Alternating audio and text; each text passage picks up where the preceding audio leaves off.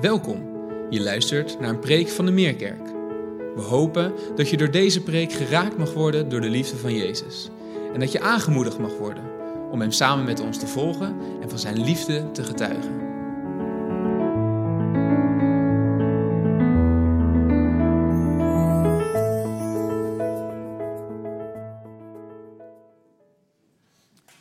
Goedemorgen. Wat goed om uh, zoveel weer te zien. We zitten in een uh, prekenserie. Als je de Meerkerk volgt, hier vaker komt, uh, waar ik een beetje van uitga, dan weet je dat we in een prekenserie zitten over de bergreden. En die prekenserie over de bergreden, die zijn we een aantal weken geleden begonnen. Elke keer als we een gastspreker hebben, hebben we hen de gelegenheid gegeven en de vrijheid gegeven vooral om daar een eigen invulling aan te geven, een eigen thema aan te verbinden. En als er weer een eigen spreker is, Wichler, Remy of ik, dan pakken we het weer op bij de bergreden. En dat willen we dus nu ook weer doen. En daarmee zijn we aangekomen bij de vierde zaligspreking. We zijn door al de zaligsprekingen heen gegaan, of we gaan daar doorheen, uh, vanuit de bergreden, het eerste gedeelte. En we zijn vandaag aangekomen bij de vierde zaligspreking. Om toch weer eventjes een reminder te geven van de context waarin de bergreden geschreven is. Matthäus heeft deze bergreden, of tenminste de, het evangelie geschreven. En de bergreden die hij daarin opgetekend heeft, is vooral bedoeld ook voor een Joods publiek. Het Joods publiek heeft hij als doelgroep voor ogen. En dit Joodse publiek, deze Joodse doelgroep, weet heel goed waar ze het over hebben. Weet heel goed waar Matthäus het over heeft. Zij zijn bekend met het Oude Testament, met de Tanach. En zij hebben daar ook gelezen, alle verschillende keren, dat daar de hemel de aarde heeft geraakt, waar God tot mensen heeft gesproken. Denk aan Abraham, denk aan Mozes, denk aan Elia. En als zij dus lezen daarover deze Jezus als zoon van God, dat hij de berg opging om daar onderricht te geven, dan is dat daar moment, dat moment daar ook, dat de hemel de aarde raakt. Ik kan niet anders dan geloven dat dat Joodse publiek, die Joodse doelgroep, op het puntje van een stoel hebben gezeten. Hier gaat iets gebeuren. Hier zal de hemel de aarde raken. En dat gebeurde met de bergreden, de woorden die Jezus daar deelde. En ik hoop dat het ook ons op het puntje van de stoel mag zetten, want Jezus is hier aan het woord, Jezus zelf. En hij zet in het begin van deze bergreden een nieuwe standaard voor geluk. Nou, daar hebben we een aantal keer al over gesproken, maar het geluk, de betekenis daarvan, gelukzalig, Makarios, daar heeft Remi ook over gesproken. Makarios betekent een bovennatuurlijke vorm van goddelijk geluk. Dat is waar Jezus over spreekt. Ik zei het al, aangekomen vandaag bij de vierde zaligspreking. En zoals ik al eerder heb genoemd, het volgt elkaar op. Ik wil lezen uit de nieuwe Bijbelvertaling, de 21. Dat is uh, net uitgekomen. Uh, daar wil ik uit lezen. En deze nieuwe Bijbelvertaling uit 21, daarin staat het volgende over de bergreden. Matthäus hoofdstuk 5. En ik lees vers 1 tot en met 6. En over het zesde vers gaan we dan nadenken. Toen hij, en dat is Jezus, de mensenmassa zag, ging hij de berg op. Daar ging hij zitten met zijn leerlingen om zich heen. Hij nam het woord en onderrichtte hen. Gelukkig wie nederig van hart zijn, want voor hen is het koninkrijk van de hemel.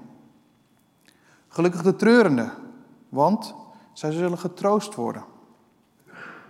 Gelukkig de zachtmoedigen, want zij zullen de aarde bezitten.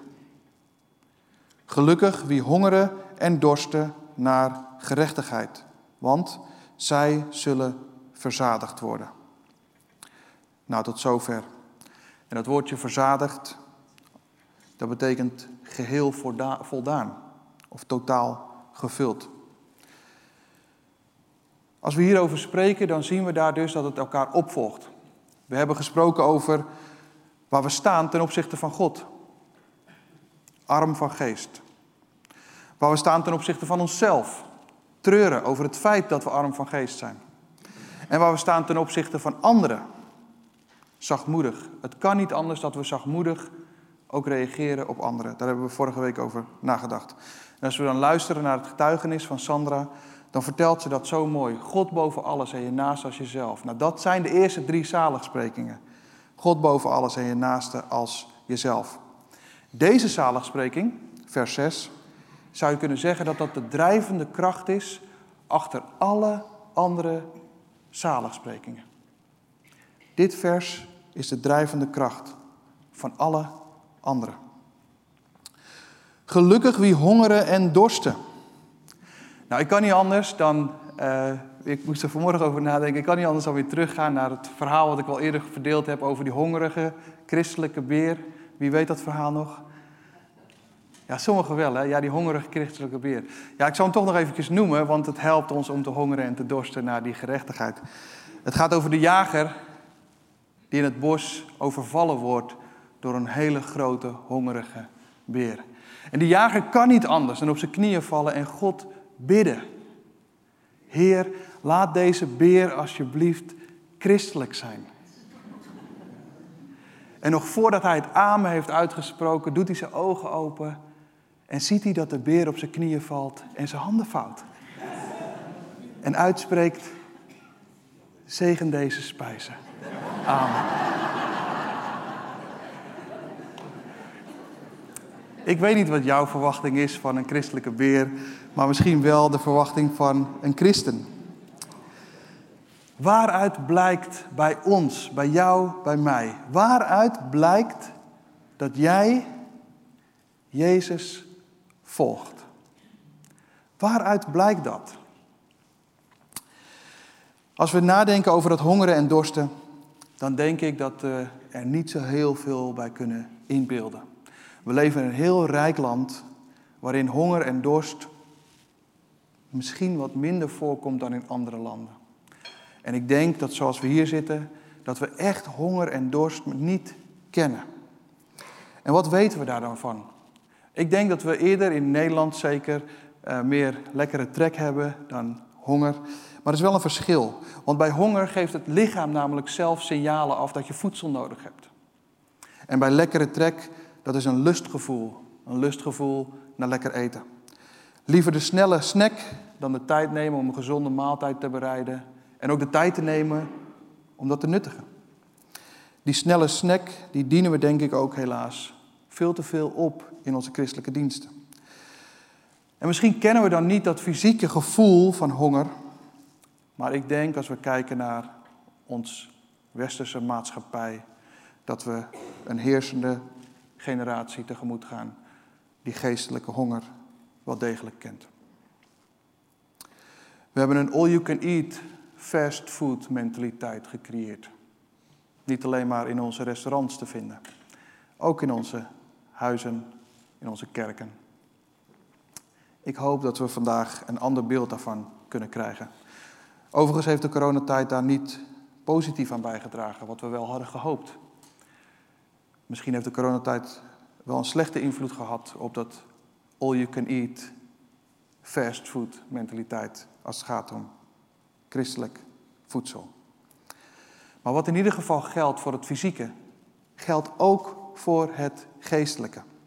Eten en drinken is van levensbelang. Als je niet eet, dan sterf je. Maar als je vergif eet, sterf je sneller. Ook dat is goed om te weten. Als je niet eet, sterf je, maar als je vergif eet, sterf je sneller. En zonder geestelijk drinken krijg je allerlei uitdrogingsverschijnselen. Zomaar een paar uitdrogingsverschijnselen als je niet geestelijk drinkt. Je woorden, je daden, je houding wordt negatiever. Je voelt je zwak en onrustig. Als je niet geestelijk drinkt, zijn dat uitdrogingsverschijnselen. Het is niet toevallig, denk ik, dat waar Jezus zijn bergreden begint in Matthäus hoofdstuk 5, dat dat voorafgegaan wordt door Jezus die beproefd wordt in de woestijn, door de duivel in Matthäus hoofdstuk 4. En wanneer, wat is nou het moment dat Jezus beproefd werd door de duivel?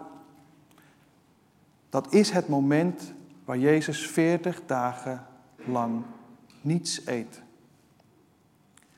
Dan ineens verschijnt de duivel daar. En hij beproeft en hij verleidt Jezus zelf. Zonder dat Jezus in die val strik trapt.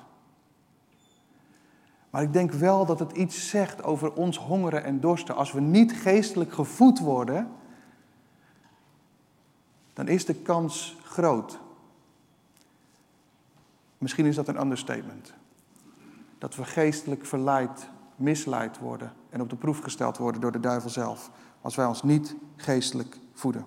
En de vraag aan ons allen natuurlijk en ook aan mezelf. Waar vul jij je maag mee? Waar vul jij je hart en je gedachten mee? Waar vul jij je mee dagelijks? Is dat met gerechtigheid? En wat betekent het dan om te hongeren en dorsten naar gerechtigheid? Wat is die gerechtigheid? Dat is een belangrijke vraag. Deze gerechtigheid gaat in eerste instantie niet om rondjes rennen, zwemmen, fietsen, lopen, rijden, whatever. Om armoede tegen te gaan in de rest van de wereld. Dat is niet waar deze tekst over gaat. Dat is niet de gerechtigheid waar deze tekst over gaat. Het woord wat hier in het Grieks vertaald staat is dikaio. En dikaio betekent niet alleen gerechtigheid, maar staat ook voor rechtvaardigheid. Gerechtigheid, maar ook rechtvaardigheid. En dat is in de context van de wet, maar ook van karakter en gedrag. Eigen karakter en gedrag. En hier zie je, als je hongert en dorstig bent naar gerechtigheid, dat het in eerste instantie persoonlijke gerechtigheid betekent, voordat je je waagt aan sociale gerechtigheid.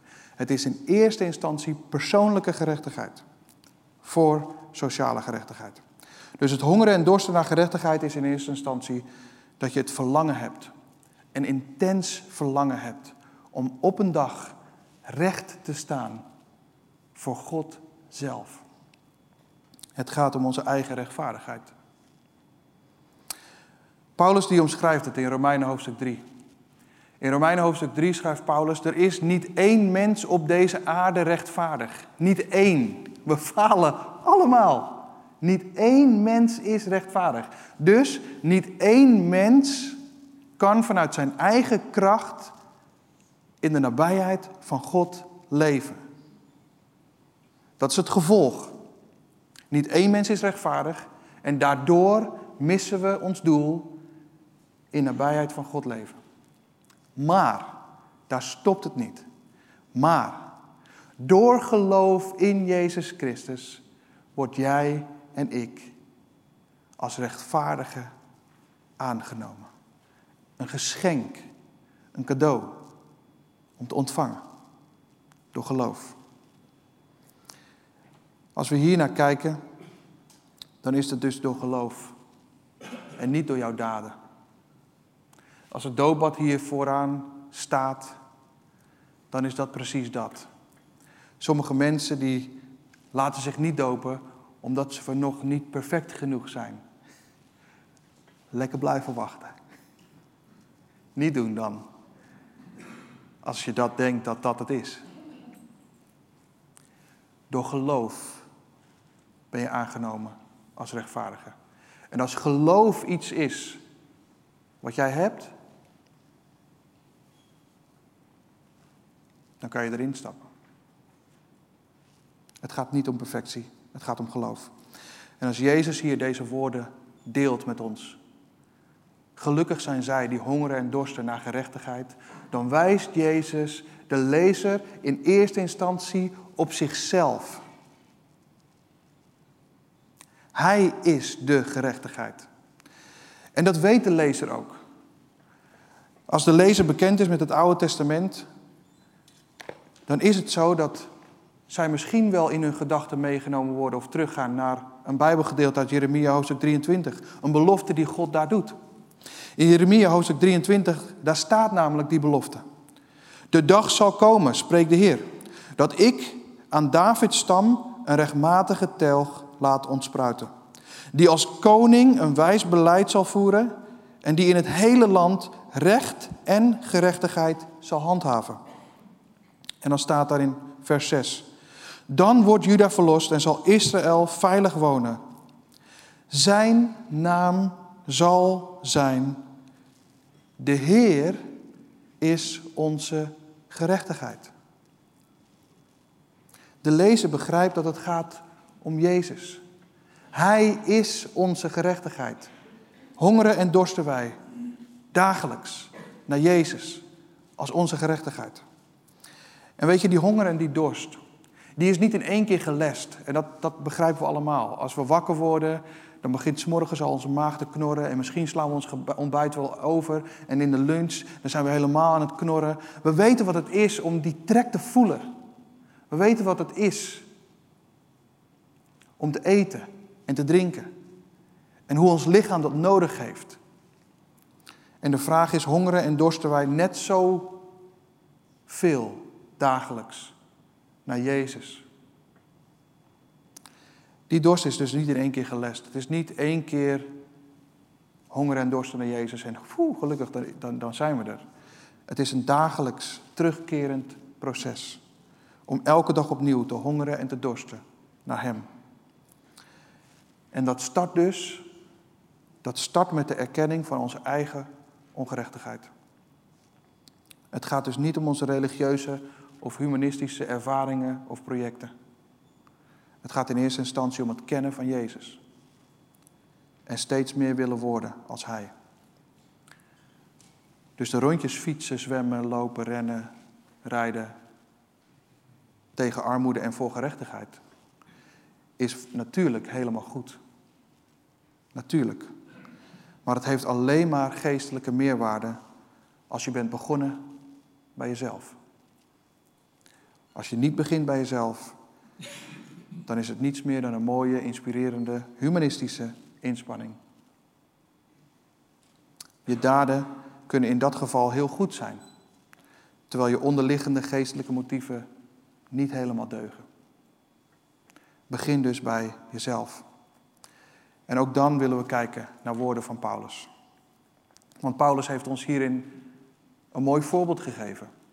Hoe Paulus kijkt naar zichzelf. Zelfreflectie. Hoe hij een spiegel voorhoudt voor zichzelf als het gaat om zijn gerechtigheid. Die hij gevonden heeft in Jezus Christus. En in Filippenzen hoofdstuk 3, daar wil ik een gedeelte lezen van hoe Paulus zichzelf omschrijft. Vanaf vers 5 lees je daar. Ik werd besneden toen ik acht dagen oud was en ik behoor tot het volk van Israël, tot de stam Benjamin. Ik ben een geboren Hebreeër met de wetsopvatting van een Fariseer. Ik heb de gemeente fanatiek vervolgd en ten aanzien van de rechtvaardigheid die de wet voorschrijft, was er op mij niets aan te merken. Hij voldeed dus volledig als het gaat om de gerechtigheid die de wet voorschreef. Maar, maar wat voor mij winst was, ben ik omwille van Christus als verlies gaan beschouwen. Sterker nog, alles beschouw ik als verlies. Want alles wordt overtroffen door het kennen van Christus Jezus, mijn Heer. Om wie, om, omwille van wie ik alles heb prijsgegeven. In mijn ogen is het waardeloze troep, want ik wil Christus winnen en één met hem zijn. Niet dankzij mijn eigen rechtvaardigheid door het naleven van de wet, maar dankzij de rechtvaardigheid die er is door het geloof in Christus en die God toekent op grond van geloof. Wat Sandra ook al noemde. Je doet geen dingen zodat je iemand bent. Je bent iemand in Christus waardoor je dingen doet. Eerst je eigen gerechtigheid, dan sociale gerechtigheid. En dan zie je dat wat water en voedsel is voor ons eigen lichaam, dat is, dat is gerechtigheid voor ons geestelijk welzijn. En laat daar Jezus nou zelf ook in voorzien. Jezus die zegt, ik ben het brood dat leven geeft. Honger je en dorst je naar gerechtigheid? Ik ben het brood, zegt Jezus. Ik ben de bron, zegt Jezus. De bron van waaruit water opwelt dat eeuwig leven geeft. Wil je drinken? Ik ben de bron. De uitspraak, je bent wat je eet, is misschien wel een bekende voor ons. Je bent wat je eet. Laat je dus voeden door Jezus zelf. als je laat voeden door Jezus zelf, word je steeds meer zoals Hij is. En ik denk dat je vandaag de dag je dieet kan aanpassen. Is een keuze. Je kan er gewoon voor kiezen. Psalm 34 zegt: Proef en geniet. Proef en geniet de goedheid van de Heer. Want gelukkig is de mens die bij Hem schuilt. Dat is het. Proef en geniet de goedheid van de Heer. Want gelukkig is de mens die bij Hem schuilt. Nou, als dit het enige is uit de preek wat je meeneemt voor vandaag, dan is het meer dan genoeg. Voor degene die zich bestempelt als gevorderd christen, willen we iets verder doorgaan op de gerechtigheid. dus als jij een gevorderd christen bent, als jij jezelf zo bestempelt, dan gaan we iets verder. En dan denk ik dat je aan het eind weer terug bent bij de basis.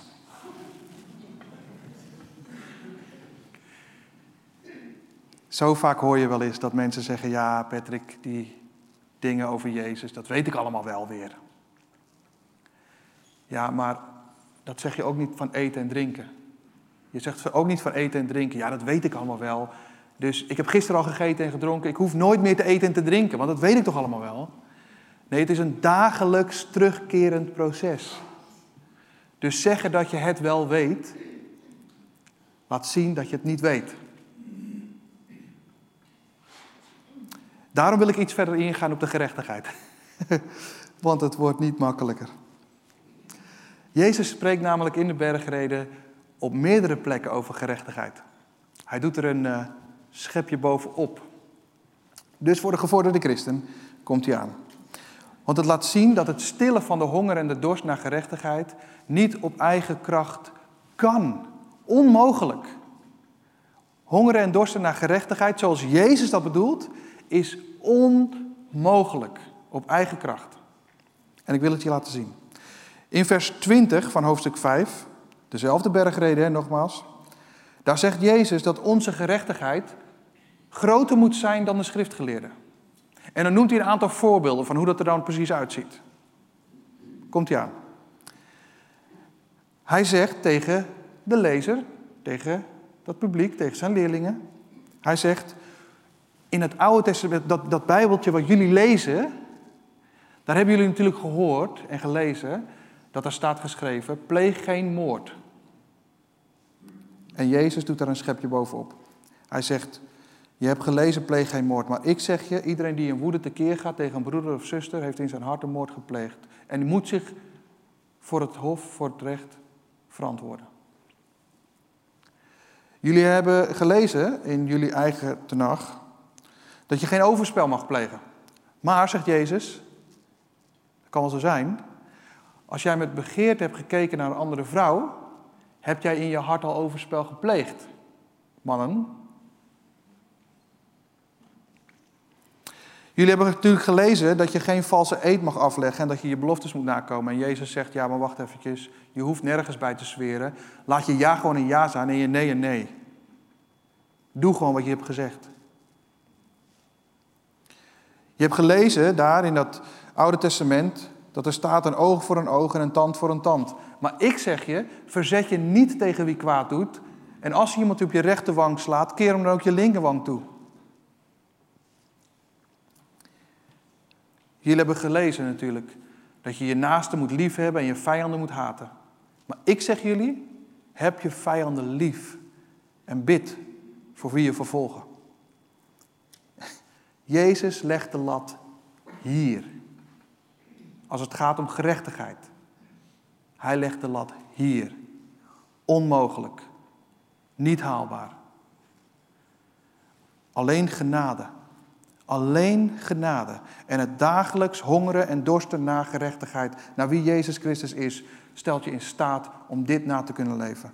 En weet je, als we eerlijk zijn, als we alleen dit rijtje al naast ons leven neerleggen, we falen allemaal. Welkom in de kerk. We falen allemaal. Maar goed, dan nog, de gevorderde christen is misschien iets teruggegaan, maar dan nog zou de gevorderde christen kunnen zeggen, ja, maar dat is mijn buurman, maar, maar ik, ik hou hier aan. Ja, oké, dan gaan we een stap verder. Jezus gaat verder namelijk. Hoofdstuk 6 gaat ook over gerechtigheid. Hoofdstuk 6, vers 1, daar vertelt Jezus dat je niet gerechtigheid moet beoefenen om in aanzien te staan bij andere mensen. Doe maar gewoon normaal. Je hoeft het niet te doen voor andere mensen. Dus niet voor de ogen beoefenen van mensen om door hen gezien te worden. En dan vertelt hij over datgene wat van groot belang is. Zomaar een rijtje. Het geven van giften. Het bidden. Vergeven. Vasten. Het verzamelen van schatten in de hemel. Jezus zegt zelfs dat als je wil leven voor God en voor geld, is geen optie. En hij zegt dat als je je zorgen maakt over al deze dingen, heb ik hier de oplossing. Zoek eerst het koninkrijk van God en zijn gerechtigheid. Dan zullen al die andere dingen je gegeven worden. Weet je, als je dit allemaal leest en op je laat inwerken, en de bergreden staat er vol van. Als je dit leest en op je in laat werken, dan kom je tot de conclusie dat Jezus volgen vanuit je eigen kracht is gegarandeerd een mislukking. Jezus volgen uit je eigen kracht is gegarandeerd een mislukking. En daarom, daarom zijn de mensen gelukkig die hongeren en die dorsten naar Jezus Christus, de gerechtigheid, om door geloof in Hem als rechtvaardig aangenomen te worden. Want alleen zij zullen verzadigd worden. Verzadigd. Geheel voldaan. Totaal gevuld. Dat is wat er gebeurt als je tot geloof komt. Dat Gods geest in jou komt leven. Om je geheel te voldoen en totaal te vullen. Dat is wat het betekent om verzadigd te zijn. En de vraag die ik mee wil geven aan ons allen. Waar vul jij jouw hart en gedachten mee? Waar sta jij s'morgens voor op? Niet mee op, niet waar je s'morgens mee op staat, maar waar sta je s'morgens voor op? Op wie of op wat drijf jij jouw leven? Wie of wat drijft jou? Wie of wat drijft jou? Zullen we samen bidden?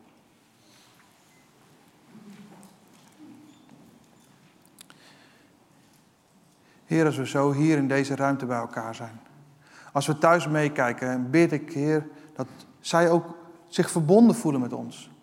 Dat we ons verbonden voelen met elkaar. En dan wil ik u zo vragen, Heer, dat als we nadenken over deze woorden, over de bergreden, dat gelukkig zijn zij die hongeren en dorsten naar gerechtigheid. Gelukkig zijn zij die hongeren en dorsten naar U, onze gerechtigheid. Om door geloof als rechtvaardig aangenomen te worden. En daarom wil ik bidden, Heer, dat we elkaar in de kerk altijd zullen aanmoedigen om niet zo oppervlakkig te worden als de wereld waarin we leven. Daarom bid ik dat wij ons leven hier samen zullen delen. En dat het veel dieper zal gaan dan onze opgepoetste buitenkant. En daarom wil ik bidden, Heer, dat een ieder die hier zit en het geloof heeft omarmd in U, dat zij misschien wel voor het eerst of opnieuw zullen nadenken om een stap te zetten volgende week in het doopbad. Dat het niet gaat om perfectie. Dat het een uiting is van het feit dat we U in ons leven op de troon van ons hart willen zetten. Dat is er een uiting van. En Heer, als we dan zo een moment nemen om stil te worden. Om misschien wel opnieuw of voor het eerst te eten en te drinken van wie u bent. U, het brood dat leven geeft. U, de bron van het water, van waar het water opwelt, dat eeuwig leven geeft. Dan bid ik dat dit momenten zullen zijn om u te zoeken in stilte. Om te eten en te drinken van wie u zelf bent.